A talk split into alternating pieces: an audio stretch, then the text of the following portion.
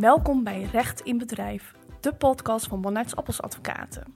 In deze serie van podcasts bespreken wij juridische onderwerpen die interessant zijn voor jou als ondernemer. Ik ben Ariane Romein. En ik ben Stefan van der Horst. Op 1 juli 2021 treedt de wet bestuur en toezicht rechtspersonen in werking. Deze wet brengt wijzigingen met zich mee voor verenigingen en stichtingen. Wat verandert voor bestuurders en toezichthouders en waar zij op moeten letten, bespreken wij vandaag met onze gast Madeleine van der Velde. Madeleine, welkom. Ja, bedankt. Als advocaat arbeidsrecht sta je regelmatig statutair bestuurders of de, de formele werkgever bij een ontslagprocedure. Deze nieuwe wet heeft gevolgen voor het arbeidsrecht. Nou ja, eigenlijk niet alleen voor het arbeidsrecht. Uh, zowel voor het arbeidsrecht als voor het ondernemingsrecht. En uh, dat zien we nu wel, want we zijn natuurlijk als kantoor mee bezig. En we zien gewoon ook nu echt een samenwerking ontstaan tussen onze sectie ondernemingsrecht, die zich echt richt op ondernemingsrechtelijke bepalingen. En daarnaast ook het arbeidsrecht, want het gaat natuurlijk ook om wijzigingen van het ontslagrecht. Voor met name de stichtingsbestuurders. Laten we eerst eens even in hoofdlijnen voor onze luisteraars bespreken wat er allemaal gaat veranderen in die wet. Wat de wet nu doet, de wet regelt nu al het een en ander voor BV's en NV's. Uh, en eigenlijk voor de normale ondernemingen. Maar voor andere ondernemingen, dus andere rechtspersonen, zoals de stichting, de vereniging, de onderlinge waarborgmaatschappij, maar ook de coöperatie, was gewoon in de wet niets geregeld. Nou, daarvan is gezegd, dat gaan we aanpakken. Dat gaan we met regelgeving nu wel gewoon uh, vastleggen. En het idee achter de wet is ook echt om verenigingen en stichtingen te beschermen tegen wanbestuur en onverantwoord uh, financieel beheer.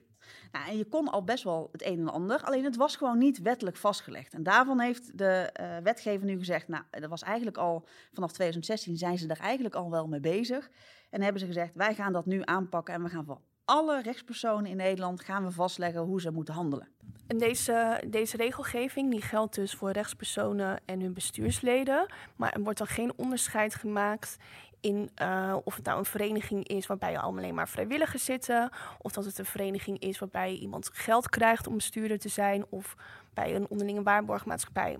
Nu gaat dit gewoon eigenlijk voor iedereen gelden. Waarbij er wel voor bepaalde onderdelen uh, uitzonderingen zijn. Hè, dus er zijn ook echt wel uitzonderingen waar het gaat om een vrijwilliger of een, een bezoldigde uh, bestuurder.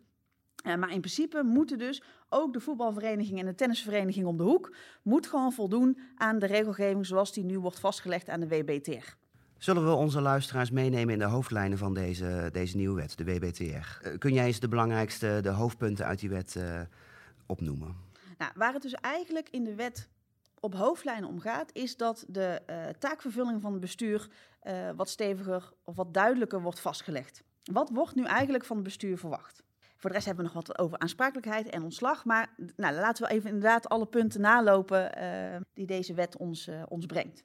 Nou, in ieder geval is het zo dat de WBTR, stichtingen en verenigingen, dus alles buiten de NV en de, BV, een wettelijke grondslag geeft voor het opzetten van een toezichthoudend orgaan.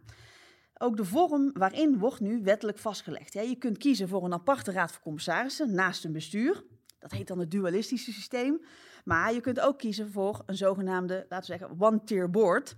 Waarin het bestuur bestaat uit enerzijds uitvoerende, dus eigenlijk het bestuur, en anderzijds niet uitvoerende bestuurders. Dat is eigenlijk het toezichthoudende orgaan. Ja, bij een one-tier board is het zo, als je daar eenmaal voor hebt gekozen, is er geen plek meer voor een commissarissen. Ja, dat klopt. Ja. Uh, en wat het advies ook echt is, van zorg gewoon dat je heel goed vastlegt wat de uitvoerende bestuursleden doen en wat de niet uitvoerende bestuursleden doen. Sommige verenigingen en stichtingen hadden al wel gewoon een toezichthoudend orgaan. Dus de mogelijkheid is niet nieuw, het is nu alleen vastgelegd. Ja, dat zie je dan vaak bij zorginstellingen. Die hebben dan een raad van toezicht. Ja, ja, kijk, en de, en de, grote stichtingen, net zoals een zorginstelling inderdaad, maar ook de woningbouwcoöperaties, die hebben al een toezichthoudend orgaan. Of het nou een raad van commissarissen of een raad van toezicht is, die hebben ze. Alleen, um, je hebt ook een heleboel wat kleinere stichtingen, verenigingen die dat niet hebben. Je bent het niet verplicht, laat dat ook duidelijk zijn, maar uh, je mag het wel. En ja, ik denk dat je het vaak vooral ziet hè, bij stichtingen en uh, verenigingen, gewoon maar heel veel geld in omgaat, zou je dat al snel hebben. Ja, en je hebt natuurlijk best wel wat sectorale regelgeving waarin het wel gewoon is vastgelegd dat je een toezichthoudend orgaan moet ja, hebben. En ik denk sowieso dat op het moment dat jij uh, een wat grotere stichting bent, uh, dan wil je wel gewoon zo'n toezichthoudend orgaan hebben, ook als bestuur. Hè? Dat je gewoon die zekerheid hebt dat je. Uh, ja, ook in gesprek kunt met je adviesorgaan. Want het is natuurlijk niet alleen toezicht houden, het is ook gewoon een extra adviesorgaan. Dan, dan heb je het eigenlijk gelijk over de informatieplicht, want daar zegt de wet ook het nodig over. Ja, uh, eigenlijk, eigenlijk, zegt de wet nu, uh, hoe ga je met elkaar om? En uh, sommige toezichthoudende organen die, die leunen achterover en doen niks. Maar eigenlijk zetten we, zegt de wet nu, hè, ehm, het bestuur moet de toezichthouder gewoon tijdig informeren. Dat moet in ieder geval één keer per jaar. En dan gaat het over het strategisch beleid, maar ook over de algemene financiële risico's. Maar dat betekent dus ook dat het nu wettelijk wordt vastgelegd dat ook uh, besturen en raden van toezicht, dus de toezichthoudende organen, moeten voldoen aan bepaalde risicobeheersing en controle. Uh, dus je moet je handelen in het belang van de organisatie. Ja, het zou dan bijvoorbeeld kunnen zijn dat als jij geld wil overmaken, dat je twee handtekeningen moet hebben, ik noem maar wat. Ja, dat is gewoon eigenlijk een controlesysteem. Ja. Maar dat is ons advies, sowieso altijd. Ja. He, zorg gewoon voor een goed controlesysteem. Want we komen straks nog wel uh, over aansprakelijkheid te praten. Maar je wil niet meemaken uh, uh, als toezichthouder, maar ook niet als, als bestuurder, dat een andere bestuurder handelt zonder dat jij ervan weet. Of zonder dat er vier ogen naar een betaling hebben gekeken. en dat je dan aansprakelijk wordt gesteld. Dat wil je gewoon niet. Dus de wet zegt nu eigenlijk, regel dat goed. En bij een risicobeheersingssysteem denk je meer aan uh, bijvoorbeeld uh, investeringen voor bepaalde nou, grote uitgaven. Dat daar in ieder geval over nagedacht is van uh, kunnen we dit risico aan en als het misgaat kunnen we dan de gevolgen daarvan dragen. Ja, ja, precies. Je moet een goede uitleg geven aan je Raad van Toezicht. En je moet je Raad van Toezicht dus meenemen in, in, in grote strategische wijzigingen. Ja, ja, echt in de besluitvorming. Ja. ja. en het dwingt je als bestuur ook om tevoren goed na te denken. Want je moet het gewoon even op, ja, op papier zetten, gewoon uitdenken. En, want je moet het kunnen uitleggen. In de basis moet je gewoon de organisatie goed besturen. En wat de wet nu doet, is dat ze daar algemene regels voor geven. Hè? Dus ga in ieder geval één keer per jaar uh, in gesprek met je raad van toezicht. Maar feitelijk moet je dat natuurlijk veel vaker doen. In de statuten moet ook het een en ander worden veranderd vanwege die wet. Ja, want jij noemde tussen neus en lippen door een taakverdeling. Dat moet je vastleggen. Ja, taakverdeling, wees daar duidelijk over. Maar ja, zorg ook gewoon dat je de vergaderingen notuleert. Hè? Dat afspraken, besluiten duidelijk worden vastgelegd. Dan kun je er altijd op teruggrijpen. Ja, maar ook voor jezelf, hè? voor je eigen aansprakelijkheid. Ja, maar daar gaat het met name om. Eén, je kunt erop teruggrijpen. Maar twee, hè, straks daar gaan we het over hebben bij aansprakelijkheid. Je moet ook gewoon kunnen laten zien dat jij, als, jij, als jou wordt verweten dat je het niet goed hebt gedaan als bestuurder, dat je kunt laten zien, maar ja, dat heb ik wel gedaan. Hoe die besluiten tot stand komen, dat staat vaak in de statuten uh, geregeld. Maar daar moet ook het nodige in gewijzigd worden, begrijp ik. Er zijn een aantal zaken die je sowieso straks in de statuten moet gaan regelen. En in de statuten staat natuurlijk al wel het een en ander geregeld. Maar er moet in ieder geval worden opgenomen van wat er moet gebeuren als alle bestuursleden en of toezichthouders afwezig zijn. Er wordt ook wel ontstentenis of belet genoemd. Dus wie moet de beslissingen nemen als niemand van het bestuur dat meer kan of mag? Je kunt hiervoor bijvoorbeeld een kascommissie of een continuïteitscommissie instellen. Maar belangrijk is gewoon dat je het opneemt in de statuten. Nou, wees gerust, dat hoeft niet op stel en sprong.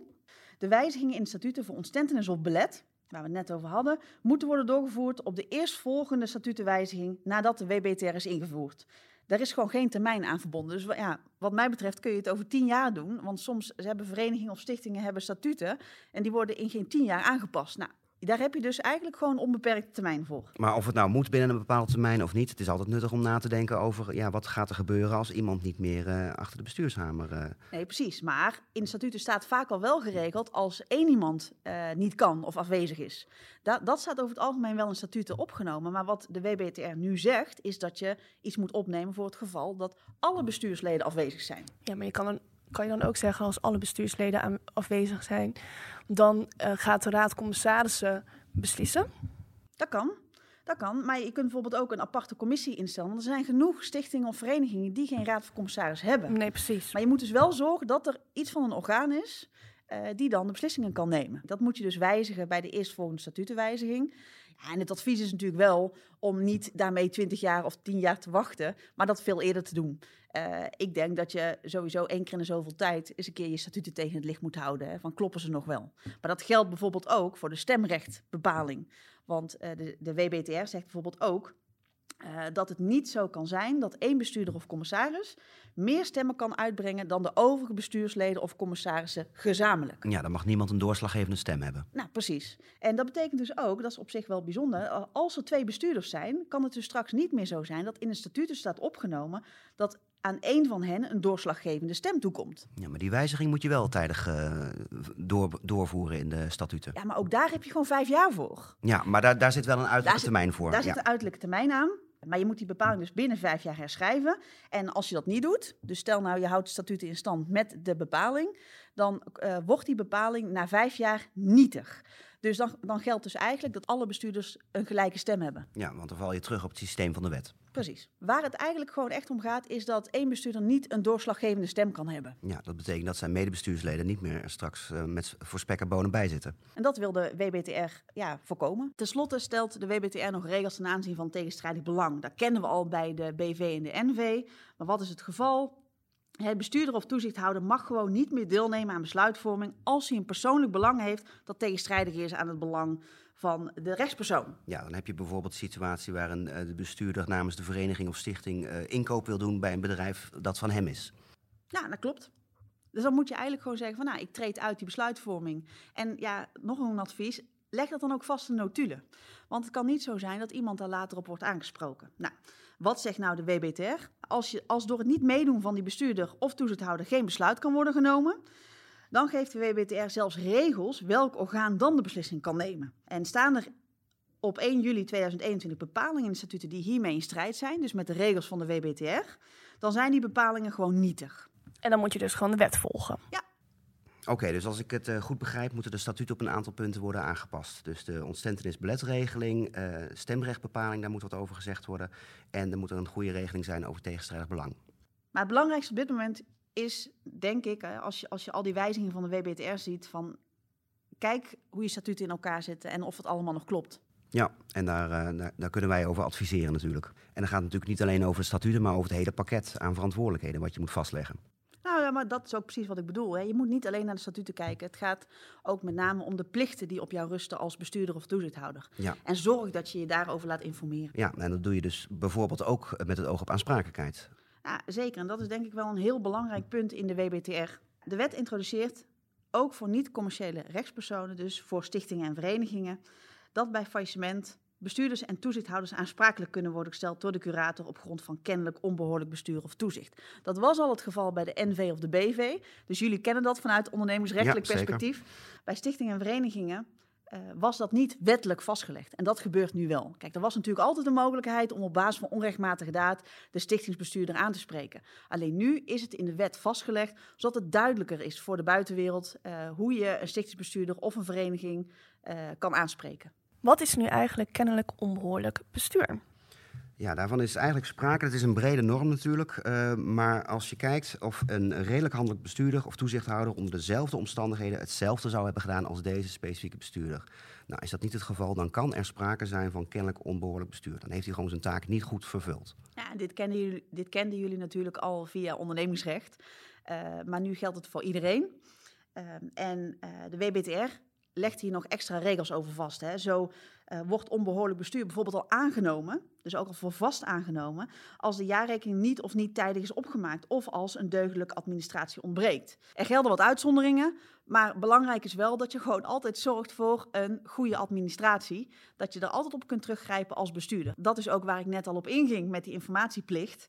Zorg gewoon dat je je zaak op orde hebt. Ja, want bij de NV en de BV is dat natuurlijk ook zo. En als je dan je administratie niet op orde hebt, dan wordt al vermoed dat dit een belangrijke oorzaak is van het faillissement. Ja, maar dan ga je er al vanuit dat er sprake is van een faillissement. Maar ook zonder faillissementsituatie heb je natuurlijk een administratieverplichting. eh. Ja, dat geldt sowieso. Wat belangrijk is, is dat je gewoon weet wat de regels zijn per uh, organisatie. Want uh, voor de ene organisatie gelden weer andere regels dan voor de andere organisatie. Hè. Zo ben je belastingplichtig dan gelden daar weer striktere regels en kan er misschien eerder sprake zijn van onbehoorlijk bestuur. Bij de onderlinge waarborgmaatschappij, die gewoon heel veel geld heeft, en bijvoorbeeld is een, verzeker, een verzekeraar, die staat onder toezicht van de Nederlandse bank. En de Nederlandse bank die heeft al zoveel eisen. Ja, ja maar dan, is de, dan zijn de verplichtingen al geregeld. En, ja, de verplichtingen al geregeld. En, en wordt de onrechtmatige daad sneller aangenomen. Hè? Dus de aansprakelijkheid wordt sneller aangenomen. Dat is die sectorale regelgeving voldoen. Ja, dan kun je nou, makkelijker toetsen of er nou wel of niet aan is voldaan. Ja, precies. Dat is het verhaal. Maar uh, om daar een ander voorbeeld tegenover te stellen, uh, bij een vereniging, een voetbalvereniging bijvoorbeeld, daar heb je natuurlijk wat minder administratie aandacht wellicht. Maar daar geldt ook voor dat een bestuurder uh, die dat misschien als, als liefdewerk erbij doet, um, ook meer verplichtingen heeft om de administratie op orde te houden. Ja, dus, dus het wordt gewoon serieuzer. Dus ook, ook de vrijwilliger bij uh, de voetbalvereniging of inderdaad de tennisvereniging, die moet zich wel gewoon heel bewust zijn van het feit dat hij uh, aansprakelijk gesteld kan worden. En dat hij dus moet voldoen aan bepaalde voorwaarden om de administratie en dergelijke gewoon goed in te richten. En die aansprakelijkheid komt onder andere kijken als bijvoorbeeld de vereniging of stichting failliet gaat. Want dan heb je een curator, die gaat naar de administratie kijken. Die zal misschien zien, hé, hey, er is überhaupt geen administratie. Of het klopt van geen kanten. Ja. En is niet aan de administratieverplichting voldaan, dan is er gewoon sprake van onbehoorlijk bestuur. Maar als een bestuurder zijn taak niet goed uh, vervult, dan kun je natuurlijk wachten tot de, tot de zaak failliet gaat. Maar je kunt natuurlijk ook kijken als vereniging of stichting, kunnen we niet op een of andere manier van die bestuurder afgeraken. Dan raken we meteen, zal maar zeggen, mijn uh, praktijk. Ik sta natuurlijk regelmatig uh, bestuurders of hun formele werkgevers uh, bij. Dus degene die ook bevoegd is tot benoeming. En, dan, en, en, op dit moment is er een groot verschil tussen enerzijds de NV en de BV en de bestuurders daarvan. En anderzijds de stichtingen, verenigingen en de bestuurders daarvan. Ja, want hoe zit het nu precies dan met de BV's en MV's? De bestuurders van de NV of de BV hebben de zogenaamde dubbele rechtsverhouding. Dat betekent dat ze één, een vennootschapsrechtelijke verhouding hebben. Dus hè, de, de binding met de, de vennootschap. En daarnaast hebben ze ook een arbeidsverhouding, dus gewoon de arbeidsovereenkomst. En die zijn sterk met elkaar verbonden. Als de formele werkgever, en dat is vaak de RVC of de Algemene Vergadering van Aandeelhouders, een ontslagbesluit neemt, dan eindigt daarmee automatisch ook de arbeidsovereenkomst. Ja, dat volgt uit die befaamde 15 april arresten. Ja, precies. En aan dit ontslag komt dus geen rechter of UWV te, eh, te pas. De statutair bestuurder van een NV of BV heeft dus ook aanzienlijk minder ontslagbescherming. Ja, want je bent dan gewoon ontslagen en je kan daar niks meer tegen doen. Tegen het ontslag zelf kun je niks meer doen. Maar wat je wel kunt doen, als het ontslag niet redelijk is gegeven, dus er is geen redelijke grond ten grondslag gelegd aan het ontslag, dan kun je nog wel naar de rechter om een transitievergoeding en een billijke vergoeding te vragen. En die kunnen echt wel aanzienlijk oplopen. Maar dat geldt dus voor de NV en de BV. Maar voor de stichtingsbestuurder, en dat zie je heel vaak bij onderwijsinstellingen of bij uh, zorginstellingen, die hebben ook die dubbele rechtsbetrekking. Die hebben en een vennootschapsrechtelijke band of een rechtspersonenrechtelijke band met de, de stichting of de vereniging.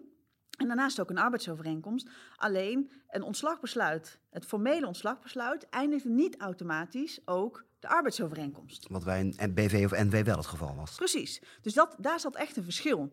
Maar voor de beëindiging van de arbeidsrechtelijke band van die stichtingsbestuurder is dus gewoon toestemming nodig van de kantonrechter of het UWV.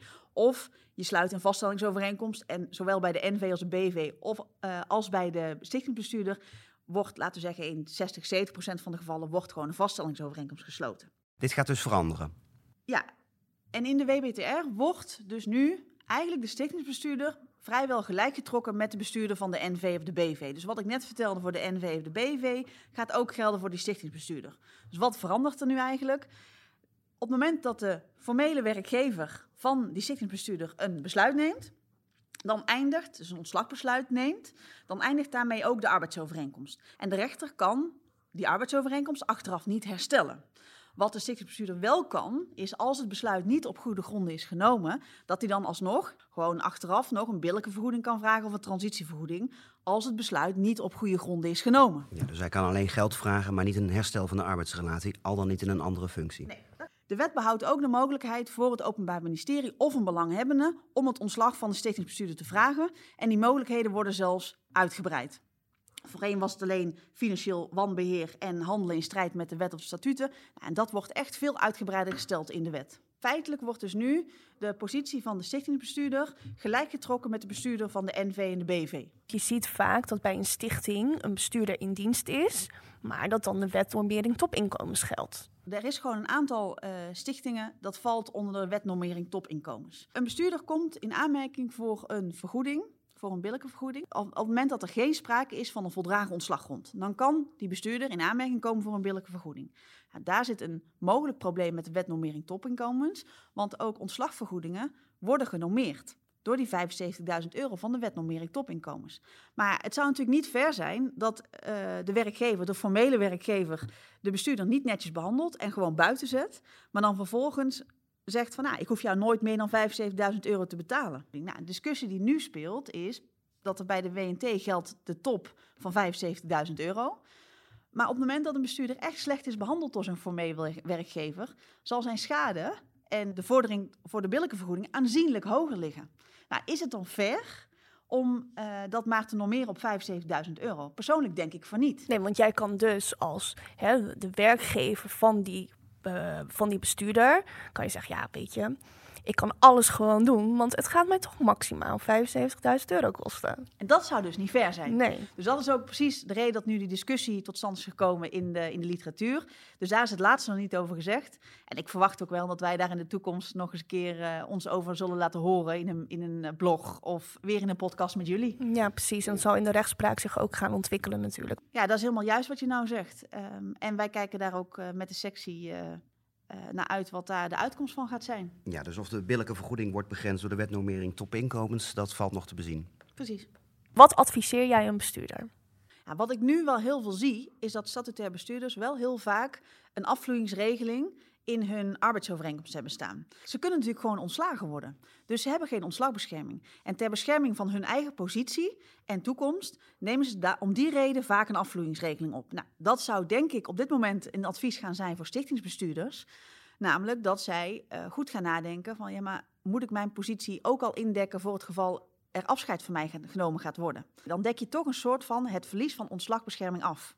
Ja, dus dan kunnen ze bij jou terecht om een arbeidsovereenkomst te laten checken en ervoor te zorgen dat dat erin op staat genomen. Ja, precies. Oké, dus al met al beoogt die WBTR de kwaliteit van het bestuur meer uh, te waarborgen. Uh, meer duidelijkheid te scheppen over verantwoordelijkheden. En eigenlijk ook met name ter bescherming van de stichtingen en, en verenigingen tegen wanbeleid van bestuurders. Ja, dat is eigenlijk uh, ja, in hoofdlijnen wel wat wij wat we zojuist hebben besproken. Madeleine, bedankt voor je toelichting. Nou, leuk dit gesprek. Vonden wij ook. En ik hoop ook dat onze luisteraars dit leuk vonden. Ja, en waar ik ook wel op wil wijzen is dat mijn collega's Annemieke Siebrand en Bart Prinsen samen een whitepaper hebben gemaakt. Waarin ze ook nog wat uitgebreider ingaan op de informatie van de WBTR. Ja, en die is te downloaden via onze website. Ja. Heb je opmerkingen, vragen of suggesties over de podcast, dan kun je ons een mailtje sturen op podcast.mannersappels.nl. Deze podcast is een serie en er zullen dus nog meer volgen. Abonneer je op ons kanaal als je notificatie ontvangen. Dank voor het luisteren en graag tot de volgende keer.